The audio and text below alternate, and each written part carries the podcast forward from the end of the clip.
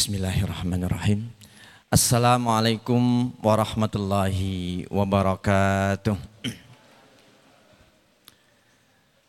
Alhamdulillah, alhamdulillahi rabbil alamin, wa bihi nasta'inu ala umuri dunya waddin, wassalatu wassalamu ala asrafil anbiya'i wal mursalin, amma ba'd.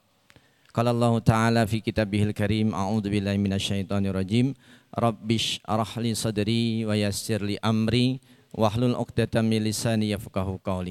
Allahumma la sahla illa ma ja'altahu sahla wa anta taj'alul hazna idza syi'ta sahla. Zidni ilma amma. Bapak Ibu dan hadirin sekalian rahimani wa rahimakumullah. Kembali saya mengajak kepada pribadi dan kepada Bapak Ibu sekalian, marilah kita lahirkan kesyukuran kita atas berbagai nikmat yang Allah anugerahkan kepada kita hingga detik ini. Sehingga kita berkesempatan untuk tolabul ilmi bersama meskipun di luar sana hujan terus turun. Dan semoga turunnya hujan ini adalah tanda dari tanda-tanda keberkahan Allah Subhanahu wa taala. Dan semoga Allah Subhanahu wa taala terus melimpahkan keberkahan itu kepada hidup dan kehidupan kita, kepada harta-harta kita, kepada seluruh yang telah Allah anugerahkan kepada kita, Allah penuhi dengan keberkahannya. Bapak Ibu yang saya hormati dan dirahmati Allah Subhanahu wa taala, tiada lupa salawat beriring salam semoga senantiasa terlimpah curahkan atas kedua hasanah kita beliau Rasulullah Muhammad sallallahu alaihi wasallam. Salawat beriring salam semoga Allah limpah curahkan pula kepada keluarganya, para sahabatnya dan seluruh umatnya dan semoga kita semua menjadi bagian dari umatnya beliau sallallahu alaihi wasallam yang dianugerahi mendapatkan syafaatnya. Amin ya rabbal alamin. Bapak Ibu dan hadirin sekalian rahimani wa rahimakumullah. Di kesempatan sore hari ini kita akan belajar untuk bisa membuktikan sisi-sisi ijazi Al-Quran di dalam kehidupan. Tadi sudah disampaikan oleh Ketua Yayasan, oleh Ayahanda Heri, bahwa tempat ini adalah saksi. Menjadi bukti bahwa mujizat Al-Quran itu masih berlaku hingga saat ini. Bahkan tidak hanya dia bisa putra di Manding ini. Dia bisa putri wali telon pun demikian. Kami sebelum ada aktivitas apa-apa, kita membawa santri datang ke tempat yang saat itu masih berupa kebun yang apa perdunya setinggi orang dewasa. Saat itu saya membawa anak-anak pada bulan Agustus kurang lebih Agustus 2019. Ya. Saat itu musim tembakau. Ternyata kebun itu sedang dipakai oleh saudara kita menjemur tembakau. Maka kemudian saya dan anak-anak duduk tidak jauh dari jemuran tembakau itu dan kemudian tilawatul Quran. Saya membawa kurang lebih 15 anak. Jadi satu anak kebagian dua juz. Setelah kemudian selesai masing-masing dua juz kemudian berdoa kepada Allah. Ya Allah, jikalau engkau ridho tempat ini, untuk kami tempati menjadi tempat belajarnya santri putri. Maka mudahkanlah kami di dalam mewujudkan bangunannya ya Allah. Mudahkanlah kami di dalam memulai dan meneruskan pembangunannya ya Allah. Dan Alhamdulillah Bapak Ibu sekalian, mungkin sebulan dua atau tiga kali kami mendatangi tempat itu dan Alhamdulillah akhir 2019 Allah berikan kepada kami rezeki untuk memulai pembangunan itu. Maka sungguh mukjizat Al-Quran itu sangat terbukti bagi keberlangsungan ya bisa putra maupun ya bisa putri. Akan tapi tentu ini akan menjadi pelajaran hanya khusus bagi kami ketika kemudian tidak kami ceritakan seperti ini. Maka pada kesempatan yang berbahagia ini saya ingin mengajak Bapak Ibu dan hadirin sekalian untuk bersama-sama membuktikan bahwa mukjizat Al-Quran itu benar-benar bisa kita rasakan di dalam kehidupan kita. Allah Subhanahu wa taala menegaskan Bapak Ibu sekalian di dalam surat Al-Hasyr ayat yang ke-21. A'udzubillahi minasyaitonirrajim. Law anzalna hadal Qur'ana ala jabalil la ra'aitahu khashi'an mutasaddian min khasyatillah. Wa tilkal amsalu nadribuha nasi la'allahum yatafakkarun. Sekiranya kami turunkan Al-Quran ini kepada sebuah gunung, pasti kamu akan melihatnya tunduk terpecah disebabkan takut kepada Allah Subhanahu wa taala. Dan perumpamaan-perumpamaan itu kami buat untuk manusia agar mereka berpikir. Jadi melalui ayat ini Allah Subhanahu wa taala memberikan gambaran kepada kita bahwa sekiranya Al-Qur'an itu diturunkan oleh Allah kepada gunung, maka niscaya gunung itu akan tunduk, patuh, terpecah belah karena takutnya kepada Allah Subhanahu wa taala. Bapak Ibu yang saya hormati dan dirahmati Allah Subhanahu wa taala, di dalam ayat yang lain Allah memberikan penegasan kepada kita surat Al-Isra ayat yang ke-9, "Inna hadal Qur'ana yahdilil lati hiya aqwam." Sungguh Al-Quran ini memberikan petunjuk kepada jalan yang tepat. Memberikan petunjuk kepada cara yang paling jitu. Memberikan jalan kepada rute yang paling cepat. Memberikan cita-cita yang pasti terkabul. Maka di dalam hal ini Syekh Al-Makdisi menyampaikan, cita-citamu hajat hidupmu tercapai cepat atau lambat setara dengan tilawahmu. Setara, setara dengan interaksimu kepada Al-Quran. Maka kami telah membuktikan bahwa dengan tilawatul Al-Quran kemudian kita meminta kepada Allah hajat-hajat kita, Allah subhanahu wa ta'ala kabulkan semuanya. Maka sudahkah Bapak Ibu mencobanya? Sudahkah Bapak Ibu merasakan sisi-sisi ijazi Al-Quran itu di dalam kehidupan? Kalau belum, marilah kita coba dan marilah kita buktikan bersama. Bapak Ibu yang saya hormati dan dirahmati Allah Subhanahu wa taala, agar kita semakin yakin bahwa Al-Qur'an itu membawa dampak yang luar biasa. Ada sebuah hadis dari riwayat Imam Ahmad Beliau sallallahu alaihi wasallam bersabda, "Man qara'a bima'ati ayatin fil lailatin kutibalahu kunutu lailatin." Sesiapa yang membaca 100 ayat pada suatu malam dituliskan baginya pahala sholat sepanjang malam. Jadi Bapak Ibu sekalian ketika kita pada malam hari membaca 100 ayat dari ayat-ayat Al-Quran maka Allah akan menuliskan bagi kita sepanjang malam itu kita sholat malam. Maka dalam hal ini Imam Syafi'i, Imam Ghazali dan juga Imam Nawawi memberikan penjelasan bahwa membaca Al-Quran merupakan zikir yang paling utama. Bapak Ibu yang saya hormati dan dirahmati Allah Subhanahu wa taala pun demikian sisi-sisi ijazi Al-Quran itu akan sangat terpengaruh dengan keyakinan kita kepada Al-Quran. Keyakinan kita kepada Allah Subhanahu wa Ta'ala. Allah memberikan penegasan di dalam sebuah hadis yang mulia, hadis Qudsi, Rasulullah Sallallahu Alaihi Wasallam menyampaikan melalui hadis riwayat Abu Hurairah sebagaimana diriwayatkan oleh mutafakun alaih ya Yaqulullahu taala Allah Subhanahu wa taala berfirman, "Ana inda dhanni abdibi." Sesungguhnya aku kata Allah sesuai dengan persangkaan hambaku kepadaku. Jadi Allah Subhanahu wa taala akan memberikan hajat-hajat kita, akan mengabulkan permohonan-permohonan kita itu sesuai dengan persangkaan kita.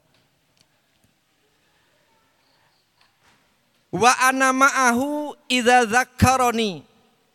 Jika ia mengingatku, oh maaf, aku bersamanya ketika ia mengingatku. Jika ia mengingatku saat sendirian, fa in dzakaroni fi nafsihi dzakartuhu fi nafsi maka aku akan mengingatnya dalam diriku kata Allah Subhanahu wa taala. Wa inna dzakaroni fi malai dan ketika hambaku mengingatnya dalam kumpulan manusia dzakartuhu fi malai khairi minhum maka aku akan mengingatnya dalam kumpulan yang jauh lebih baik dari itu, yaitu kumpulan para malaikat. Jadi Bapak Ibu yang saya hormati dan dirahmati Allah Subhanahu wa taala, hal yang paling esensi untuk kemudian kita perbaiki adalah keyakinan kita. Persangkaan kita kepada Allah Subhanahu wa taala. Karena Allah akan sesuai dengan persangkaan kita. Ketika kita yakin, maka Allah akan memberikan. Ketika kita kurang yakin, maka Allah juga tidak akan memberikan. Apalagi kita ragu-ragu, maka tentu Allah tidak akan mengabulkannya. Bapak Ibu yang saya hormati, karena waktu kita pendek, ya beberapa hal mungkin nanti akan kita lewati ayat maupun hadisnya. Harapannya di pertemuan petang hari ini atau sore hari ini kita kemudian bisa langsung mempraktekkan Bapak Ibu dan hadirin sekalian juga para santri nanti bisa langsung praktek bagaimana cara membuktikan sisi ijazi Al-Quran itu di dalam kehidupan. Bapak Ibu yang saya hormati dan dirahmati Allah Subhanahu wa taala, di dalam surat Al-Isra ayat yang ke-82 Allah menegaskan dan kami turunkan dari Al-Qur'an sesuatu yang menjadi obat dan rahmat bagi orang-orang yang beriman. Jadi Al-Qur'an itu menjadi obat menjadi syifa dan menjadi rahmat, menjadi kasih sayang, menjadi sesuatu yang kemudian menghadirkan sisi-sisi kasih sayang. Maka Al-Quran yang sudah ditegaskan oleh Allah sebagai obat itu, sudahkah kita merasakan bahwa Allah menjadikan Al-Quran itu sebagai obat terbukti di dalam kehidupan kita? Di dalam ayat yang lain, Surat Fusilat ayat yang ke-44 Allah menegaskan katakanlah Al-Quran itu adalah petunjuk dan penawar bagi orang-orang yang beriman. Sekali lagi Allah menegaskan di dalam surat ini, di dalam ayat ini bahwa Al-Quran itu adalah menjadi obat bagi orang-orang yang beriman. Orang-orang yang yakin, orang-orang yang percaya 100% kepada Allah Subhanahu wa taala. Percaya kepada apanya? Percaya kepada janjinya. Ketika kita meyakini janji-janji Allah itu nyata, maka Allah pun akan mewujudkan kenyataan itu di dalam kehidupan kita. Bapak Ibu dan hadirin rahimani wa rahimakumullah. Ini beberapa hadis yang mungkin Bapak Ibu bisa screenshot ya, bisa difoto ya. Bahwa banyak sekali bukti-bukti sejarah yang tidak bisa terbantahkan bahwa Al-Quran itu benar-benar mukjizat. Al-Quran itu benar-benar sangat berpengaruh besar di dalam kehidupan. Tidak hanya kehidupan Rasulullah, tapi juga kehidupan para sahabat, kehidupan para tabiin, dan juga kehidupan para tabi'ut tabi'in. Ya, salah satunya saya bacakan Sahabat Abu Sa'id Al-Khudri pernah menyembuhkan seseorang yang terkena sengatan ular dengan bacaan ayat Alhamdulillahirabbil alamin sebanyak tujuh kali.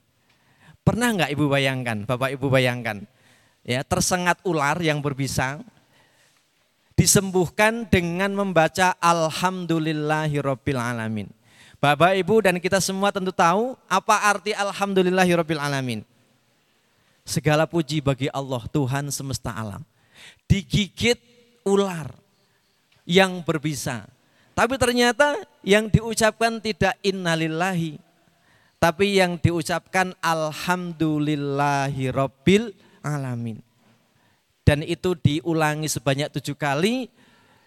Biiznillah dengan izin Allah bisanya hilang.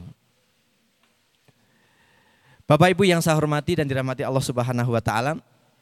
Yang berikutnya ini agak penting maka kemudian saya bacakan Ibnul Qayyim di dalam kitabnya Zad Al-Ma'ad menjelaskan Al-Quran adalah penyembuh yang sempurna dari seluruh penyakit hati dan jasmani. Artinya penyakit rohani dan penyakit jasmani. Penyakit lahir maupun penyakit batin. Penyakit fisik maupun penyakit non fisik. Ya. Demikian pula penyakit dunia dan akhirat. Maksudnya penyakit-penyakit yang kaitannya dengan kehidupan kita dunia dan juga penyakit-penyakit yang menghambat kehidupan kita nanti di akhirat. Tidak setiap orang diberi keahlian dan taufik untuk menjadikannya sebagai obat. Ya, maka saya berikan apa namanya warna merah. Tidak semua orang diberi keahlian dan taufik untuk menjadikannya sebagai obat. Saya berharap bahwa kita termasuk orang yang dikecualikan itu. Ya, kita termasuk orang yang diberi keahlian untuk menjadikannya ayat-ayat Al-Quran itu sebagai obat. Jika seorang yang sakit konsisten berobat dengannya dan meletakkan pada sakitnya dengan penuh kejujuran dan keimanan, penerimaan yang sempurna, keyakinan yang kokoh, dan menyempurnakan syaratnya, niscaya penyakit apa pun tidak akan mampu menghadapinya. Maksudnya menghadapi ayat-ayat Allah itu. Penyakit apa pun. Jadi semua penyakit, penyakit lahir maupun penyakit batin. Bahkan tadi Ibnul Qayyim menjelaskan penyakit dunia maupun penyakit akhirat. Bapak Ibu yang saya hormati dan dirahmati Allah Subhanahu wa taala, ada sebuah kisah ya bahwa sekelompok sahabat Nabi melakukan perjalanan melewati sebuah kampung yang kala itu mereka dijamu oleh penduduk kampung itu. Dan kemudian penduduk kampung itu bertanya kepada para sahabat yang mampir itu, adakah di antara kalian yang bisa menyembuhkan atau bisa mengobati karena pembesar atau pemuka kampung kami tersengat binatang sehingga menjadi demam, menjadi panasnya tinggi. Maka kemudian di antara para sahabat lantas berkata, iya ada. Lalu ia pun mendatangi pembesar itu, kemudian membacakan ayat-ayat Al-Quran, khususnya membacakan suratul fatihah kepadanya. Akhirnya pembesar itu sembuh, lalu membacakan uh, pembesar itu sembuh, lalu memberikan hadiah seekor kambing dan kemudian di dalam riwayat yang lain apa namanya sahabat tadi atau sekelompok sahabat tadi menerima dan ada juga di dalam riwayat yang lain sahabat tadi tidak menerima. Lalu kemudian para sahabat setelah acaranya selesai mendatangi Rasulullah dan menceritakan kisah tadi dan kemudian beliau mengatakan wahai Rasulullah aku tidaklah merui uh, maka maaf Wahai Rasulullah, aku tidaklah meru'yah kecuali dengan membacakan surat Al-Fatihah. Ya. Jadi para sahabat tadi menceritakan kepada Rasulullah bahwa yang dibacakan kepada pembesar kaum, eh, pembesar kampung yang dilewatinya saat itu hanya membacakan suratul Fatihah. Kemudian Rasulullah tersenyum dan beliau bersabda, bagaimana engkau bisa tahu Al-Fatihah adalah ru'yah? Maka beliau pun bersabda, ambil kambing itu dari mereka. Potongkan untukku sebagian dan sebagian yang lain silahkan kalian nikmatinya. Jadi Rasulullah ketika kemudian mengetahui bahwa para sahabat akan diberikan hadiah seekor kambing, maka kemudian Rasulullah meminta kepada sahabat, ambil saja kambingnya. Sembelihlah kambing itu nanti sebagian untukku dan sebagian yang lain lagi untuk kalian. Ya. Bapak Ibu sekalian, pernahkah Bapak Ibu membacakan surat Al-Fatihah ketika kemudian panjenengan sakit? Pernah? Belum ya? Nah, maka mari kita buktikan nanti ya. Surat Al-Fatihah itu bisa menyembuhkan sakit mata kita. Surat Al-Fatihah itu bisa menyembuhkan sakit gigi kita. Surat Al-Fatihah itu bisa menyembuhkan sakit kepala kita. Sakit apa pun yang ada di dalam fisik kita. Bahkan sakit-sakit yang tidak ada di dalam fisik kita. Kita lanjutkan Bapak Ibu sekalian.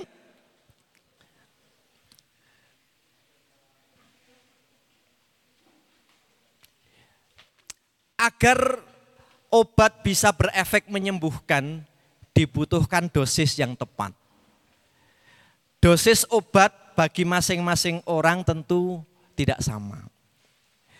Dan siapakah yang akan bisa menentukan dosis obat itu bagi seseorang?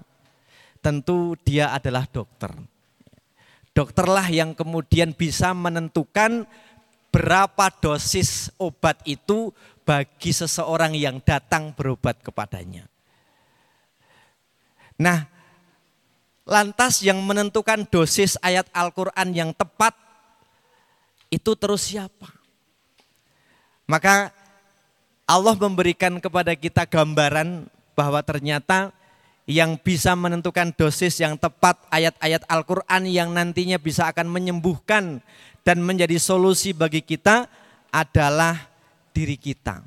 Kitalah yang kemudian akan bisa merasakan getaran-getarannya. Semakin bagus atau semakin besar atau semakin uh, nampak getarannya, maka akan semakin cepat ayat-ayat itu berdampak kepada kita. Kalau kemudian getaran itu kita nilai dari angka 0 sampai 10, maka tentu yang angka 10 inilah yang paling akan cepat mendatangkan solusi bagi kita. Lantas kenapa kok harus getaran? Emang ketika membaca Al-Quran bisa bergetar? Ya maka nanti kita buktikan bersama Bapak Ibu sekalian. kita bisa merasakan getaran atau tidak itu sangat dipengaruhi oleh pikiran kita. Ya, oleh kerisauan kita, oleh lingkungan kita, oleh keyakinan kita. Yang semua itu menjadi faktor yang menyebabkan masing-masing orang membutuhkan dosis yang berbeda. Kembali kepada hadis yang tadi, inna indadhonni abdibi. Bahwa Allah itu sesuai dengan persangkaan kita kepadanya. Maka keyakinan kita, kejujuran kita, itulah yang kemudian sangat berpengaruh di dalam ayat-ayat yang akan kita baca. Bapak Ibu yang saya hormati, di dalam surat Al-Anfal ayat yang kedua Allah memberikan kepada kita penegasan, A'udzubillahi minasyaitonirrajim. Innamal mu'minuna alladzina idza dzukirallahu wajilat qulubuhum. Wa idza tuliyat alaihim ayatuhu zadathum imanan wa ala rabbihim yatawakkalun. Sesungguhnya orang-orang yang beriman adalah mereka yang bila disebut nama Allah gemetarlah hati mereka. Dan apabila dibacakan ayat-ayatnya bertambahlah iman mereka karenanya. Dan hanya kepada Tuhanlah mereka bertawakal. Bapak Ibu, orang-orang yang beriman itu salah satu tandanya adalah ketika diperdengarkan kepadanya nama Allah bergetar hatinya. Ketika dibacakan ayat-ayat Allah, bertambahlah imannya. Maka pertanyaannya, sudahkah ketika kita mendengar nama Allah disebut bergetar hati kita? Sudahkah ketika kita diperdengarkan ayat-ayat Allah bertambah iman kita? Maka kembali marilah kita introspeksi Bagaimana Al-Quran itu akan bisa kita buktikan sisi-sisi ijazinya. Kalau kemudian Al-Quran di dalam tubuh kita saja belum bisa menghadirkan getaran. Belum mampu meluluh lantakkan hati dan jiwa kita. Maka ini hal yang penting yang kemudian kita upayakan. Tetapi insya Allah itu bukan sesuatu yang sulit bukan sesuatu yang susah. Ketika kejujuran itu sudah kita kedepankan, ketika rasa penghambaan itu sudah betul-betul kita agungkan, maka insya Allah getaran itu akan segera bisa kita rasakan. Di dalam ayat yang lain Allah berfirman dalam surat Az-Zumar ayat yang ke-23. Saya bacakan langsung artinya. Allah telah menurunkan perkataan yang paling baik yaitu Al-Quran yang serupa lagi berulang-ulang. Ini para ulama memberikan penjelasan ayat-ayat yang serupa dan berulang-ulang ini adalah salah satunya adalah suratul Fatihah. Gemetar karenanya kulit orang-orang yang takut kepada Tuhannya. Kemudian menjadi tenang kulit dan hati mereka di waktu mengingat Allah. Itulah petunjuk Allah dengan kitab itu dia menunjuki siapa yang dikehendakinya dan barang siapa yang disesatkan Allah niscaya tak ada baginya seorang pemimpin pun. Jadi melalui dua ayat ini Allah memberikan penjelasan kepada kita bahwa sungguhnya ayat-ayat Al-Quran itu akan bisa menggetarkan hati kita. Bahkan tidak hanya hati tapi menggetarkan fisik kita.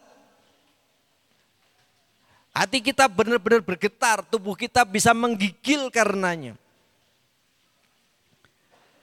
Maka cari dan dapatkan momentum-momentum itu agar kemudian kita bisa mendapatkan dan merasakan getaran-getarannya. Bapak Ibu yang saya hormati dan dirahmati Allah Subhanahu wa taala, satu ayat yang kemudian sangat penting untuk kita ketahui yaitu dalam surat Maryam ayat yang ke-58. Allah Subhanahu wa taala berfirman, "Idza tutla alaihim ayatul rahman harru wa bukiya." Apabila dibacakan ayat-ayat Allah yang Maha Pemurah kepada mereka, maka mereka menyungkur dengan bersujud dan menangis. Jadi orang-orang yang kemudian dibacakan kepadanya ayat-ayat Al-Quran. Maka kemudian ia sujud menyungkur dan kemudian menangis. Sesuatu yang kemudian tidak bisa dilukiskan dengan kata-kata. Sesuatu yang tidak bisa digambarkan dengan gambaran yang serupa ketika kita bisa merasakan getaran-getaran Al-Quran itu. Maka pada kesempatan yang berbahagia ini Bapak Ibu sekalian, saya ingin mengajarkan rangkaian kata-kata. Silahkan Bapak Ibu bisa ditulis di dalam di layar itu, nanti bisa dipraktekkan. Ya, atau di foto boleh, silahkan yang membawa foto. Ya. Saya bacakan cara yang kemudian sangat memungkinkan untuk kita bisa mendapatkan getaran itu adalah ketika kita mengawalinya dengan sebuah permohonan semisal dengan permohonan yang saya tuliskan ini. Meskipun tidak harus persis Bapak Ibu sekalian, tapi paling tidak intinya atau maknanya dapat di sana. Ya. A'udzubillahi minasyaitonirrajim. Bismillahirrahmanirrahim.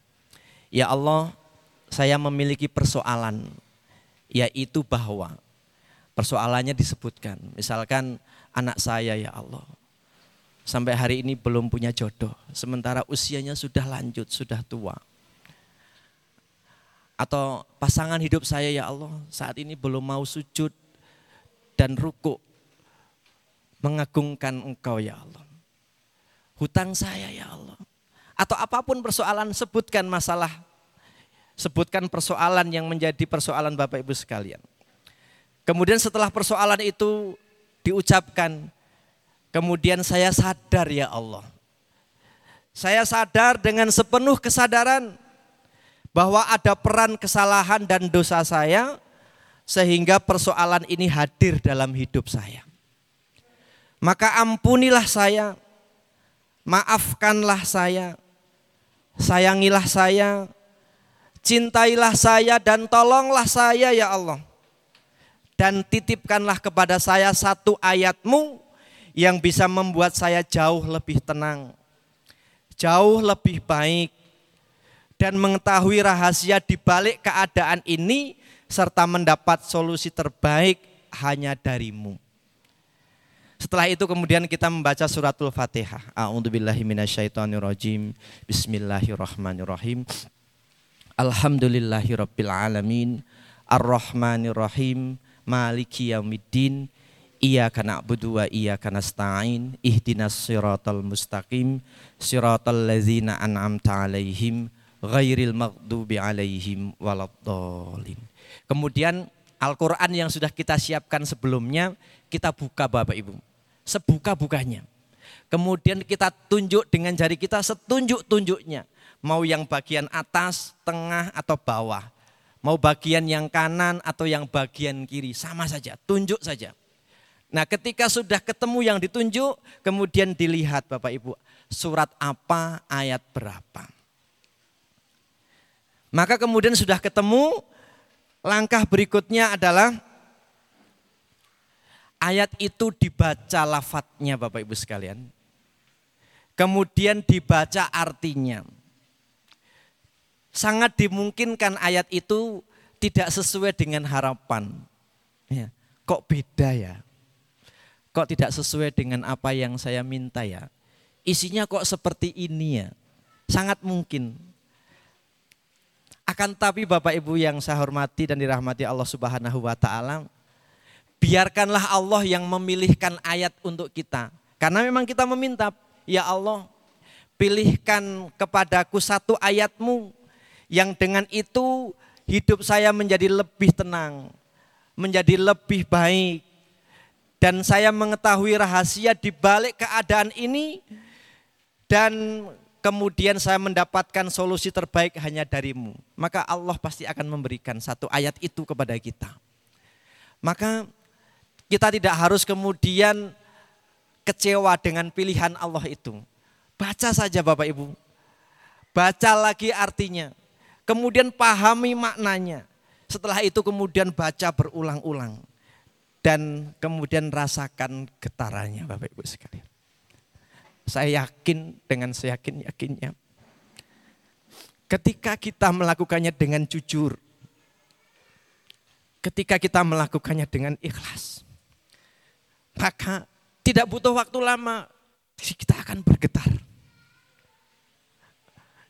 Hati kita akan bergetar hebat. Dan kemudian kita bisa mempraktekkan kemudian kita watahoru sujada wa bukiya. Kita tersungkur sujud dan menangis.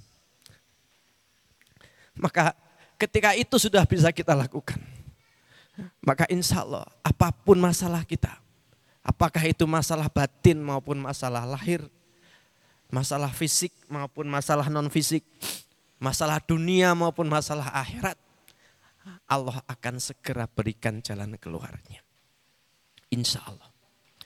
Bapak Ibu yang saya hormati dan dirahmati Allah Subhanahu wa taala. Sesederhana itu. Sesimpel itu. Maka kenapa saya tadi melewati banyak ayat dan hadis yang kemudian tidak saya sampaikan kepada Bapak Ibu, saya ingin menyampaikan kepada Bapak Ibu sekalian agar setelah pertemuan ini kita semua bisa mempraktekkan sisi janji Al-Quran itu dalam kehidupan kita. Bahwa Al-Quran itu sesuatu yang luar biasa, bahkan maha luar biasa.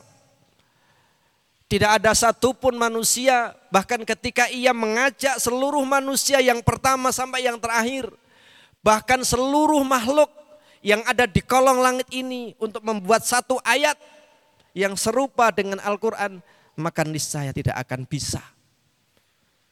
Maka ayat Al-Quran itu sungguh-sungguh luar biasa. Maka ketika ayat itu tidak bisa menggetarkan hati kita, maka yang bermasalah adalah diri kita. Ketika ayat-ayat Al-Quran itu tidak mampu meluluh lantakkan jiwa kita, maka sungguh jiwa kita lah yang kemudian bermasalah. Maka kalau seandainya itu yang terjadi, minta kepada Allah, ya Allah, aku punya persoalan ya Allah. Sungguh aku merasakan hatiku sekeras batu ya Allah. Aku tidak bisa merasakan getaran-getaran ayatmu ya Allah. Maka hadirkan kepadaku nikmat sebagaimana yang telah engkau anugerahkan kepada orang-orang yang nikmat merasakan getaran-getaran Al-Quran. tunjukkanlah kepadaku satu ayatmu ya Allah yang aku bisa merasakan getaran itu. Maka insya Allah Allah akan hadirkan kepada kita satu ayat yang kemudian dengan singkat dan cepat kita akan bisa merasakan getaran-getaran Al-Quran itu.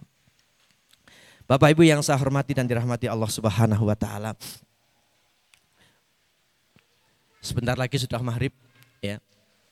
Kita sebagaimana biasa di kesempatan yang istimewa di penghujung hari yang mulia ini hari Jumat yaitu Sayyidul Ayam rajanya hari maka kita tutup hari yang mulia ini dengan bermohon kepada Allah Subhanahu wa taala. Semoga Allah yang Maha Rahman, Allah yang Maha Rahim mengabulkan doa dan permohonan kita. Memberikan solusi yang terbaik untuk seluruh persoalan dan problematika hidup kita dengan solusi-solusi yang bisa jadi tidak pernah kita sangka-sangka sebelumnya. Maka sambil terus meningkatkan keimanan dan ketakwaan kita kepada Allah Subhanahu wa taala. Sambil terus memperbaiki hubungan kita dengan Allah Subhanahu wa taala melalui Al-Qur'an yang nanti akan kita baca. Yang Bapak Ibu baca ketika nanti di rumah baik dalam kesendirian maupun dalam keramaian, baik tengah hari maupun tengah malam. Semoga ayat-ayat itu benar-benar menjadi ayat-ayat yang berkesan di dalam hidup dan kehidupan kita. Sesungguhnya Allah Subhanahu wa taala menghadirkan seluruh ayat Al-Qur'an yang jumlahnya kurang lebih 6600 ayat itu tidak ada satupun yang sia-sia. Semuanya bermakna dan itu juga bermakna untuk kita. Meskipun tadi saya ulangi lagi seolah-olah ayat yang dipilihkan oleh Allah itu kok tidak nyambung dengan persoalan hidup kita. Tapi yakinlah ayat itulah yang terbaik yang Allah pilihkan untuk kita. Bapak Ibu yang saya hormati, kita awali doa kita dengan memohon ampun kepada Allah Subhanahu wa taala istighfar tiga kali. Astagfirullahaladzim. Wa atubu ilaih. Astaghfirullahaladzim wa atubu ilaih. Astaghfirullahaladzim wa atubu ilaih. A'udzu billahi minasyaitonir rajim. Bismillahirrahmanirrahim. Allahumma salli wa sallim wa barik ala sayyidina Muhammad wa ala alihi wa sahbi ajmain. Alhamdulillahi rabbil alamin. Hamdan syakirin. Hamdan na'imin. Hamdan yuafi ni'mahu wa yukafi'u mazidah. Ya Rabbana lakal hamdu kama yanbaghi li jalali wajhikal karim wa azimi sultanik. Allahumma ya Allah, ya Rahman, ya Rahim, ya Hayyu, ya Qayyum, ya Dzal Jalali wal Ikram. Allahumma ya Allah, ya Rahman, ya Rahim, ya Hayyu, ya Qayyum, ya Dzal Jalali wal Ikram. Allahumma ya Allah, ya Rahman, ya Rahim, ya Hayyu, ya Qayyum, Ya Zal Jalali wal Ikram. Allahumma ya Allah la ilaha illa anta subhanaka ini kuntu minal zalimin. Rabbana dhallamna anfusana wa ilan takfir lana wa tarhamna lanakunana minal khasirin. Rabbana ufir lana dhunubana wali walidayna warhamhuma kama rabbawayana sighara. Rabbana ighfir lana wa li ikhwanina bil iman wa la taj'al fi qulubina ghillan amanu. Rabbana innaka ra'ufur Rabbana innana amanna faghfir lana wakina wa Rabbana hablana min azwajina wa dhurriyyatina qurrata a'yun waj'alna lil muttaqina imama. Allahumma inna nas'alukal huda wat tuqa wal afafa wal ghina. Allahumma inna nas'aluka amalan baron wa rizqan daron wa aishan qaran. Allahumma dibhamana Allahumma dibhamana Allahumma dibhamana ya Allah Allahumma la sahla illa ma ja'altahu sahla wa anta taj'alul hazna idza syi'ta sahla. Allahumma ya Allah yang Maha Pengampun, ampunilah dosa dan salah kami ya Allah. Ampunilah dosa dan salah kedua orang tua kami ya Allah.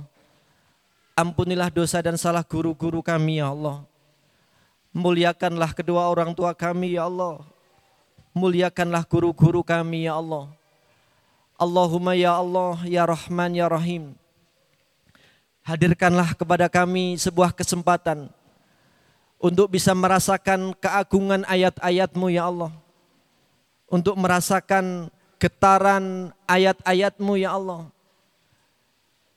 Anugerahkanlah kepada kami untuk bisa mendapatkan hikmah sebagaimana hikmah yang telah dirasakan oleh orang-orang yang soleh sebelum kami ya Allah. Orang-orang yang telah engkau anugerahkan nikmat kepada mereka ya arhamar rahimin. Allahumma ya Allah, engkaulah yang maha tahu atas apa yang terjadi di dalam hidup dan kehidupan kami saat ini dan saat yang akan datang ya Allah. Maka perbaikilah iman kami ya Allah. Perbaikilah ketakwaan kami ya Allah. Bimbing dan tuntunlah kami untuk senantiasa berada di dalam syariatmu ya Allah. Di dalam hidayahmu ya arhamar rahimin. Allahumma ya Allah. Berikanlah kepada kami solusi yang terbaik atas seluruh persoalan hidup kami ya Allah. Baik itu yang terkait dengan kesehatan kami, dengan keuangan kami, dengan anak-anak kami, dengan pasangan hidup kami, dan seluruh hidup dan kehidupan kami ya Arhamar Rahimin. Sungguh kami percayakan seluruh urusan kami kepadamu, Zat yang maha pengasih dan maha penyayang. Aku pasrahkan hidup dan kehidupan kami ya Allah. Karena sesungguhnya seluruh hidup dan kehidupan kami dan ibadah-ibadah kami hanya untukmu ya arhamar rahimin. Allahumma taqabbal minna innaka antas samiul alim wa tub alaina innaka antat tawwabur rahim. Rabbana hab lana min azwajina wa durriyyatina qurrata a'yun waj'alna lil muttaqina imama. Allahumma barik lana fi hadhil ard. Allahumma barik lana fi ma'hatina ya Allah. Allahumma barik lana fi ilmina. Allahumma barik lana fi umurana. Allahumma barik lana fi ahlina wa malina. Allahumma barik lana fi makasibina. Allahumma barik lana fi ma razaqtana wa qina azabannar. Ampunilah kedurhakaan kami kepada kedua orang tua kami kepada guru-guru kami kepada orang-orang yang telah berjasa kepada kami ya arhamar rahimin. Rabbana atina fid dunya hasanah wa fil akhirati hasanah wa qina azabannar wa adkhilna jannata ma'al abrar. Ya aziz ya ghaffar ya rabbal alamin. Wa sallallahu ala nabiyyina Muhammad wa ala alihi wa sahbihi ajmain. Subhana rabbika rabbil izzati amma yasifun. Wassalamun alal mursalin. Walhamdulillahi rabbil alamin. Al-fatihah a'udzu billahi minasyaitonir rajim bismillahirrahmanirrahim Alamin. Ar-Rahmanir Rahim Maliki Yawmiddin Iyaka na'budu wa iyaka nasta'in. Ihdinas siratal mustaqim. Siratal ladhina an'amta alaihim Ghairil maghdubi alaihim Waladdallin. Amin. Afu minkum. Wassalamualaikum warahmatullahi wabarakatuh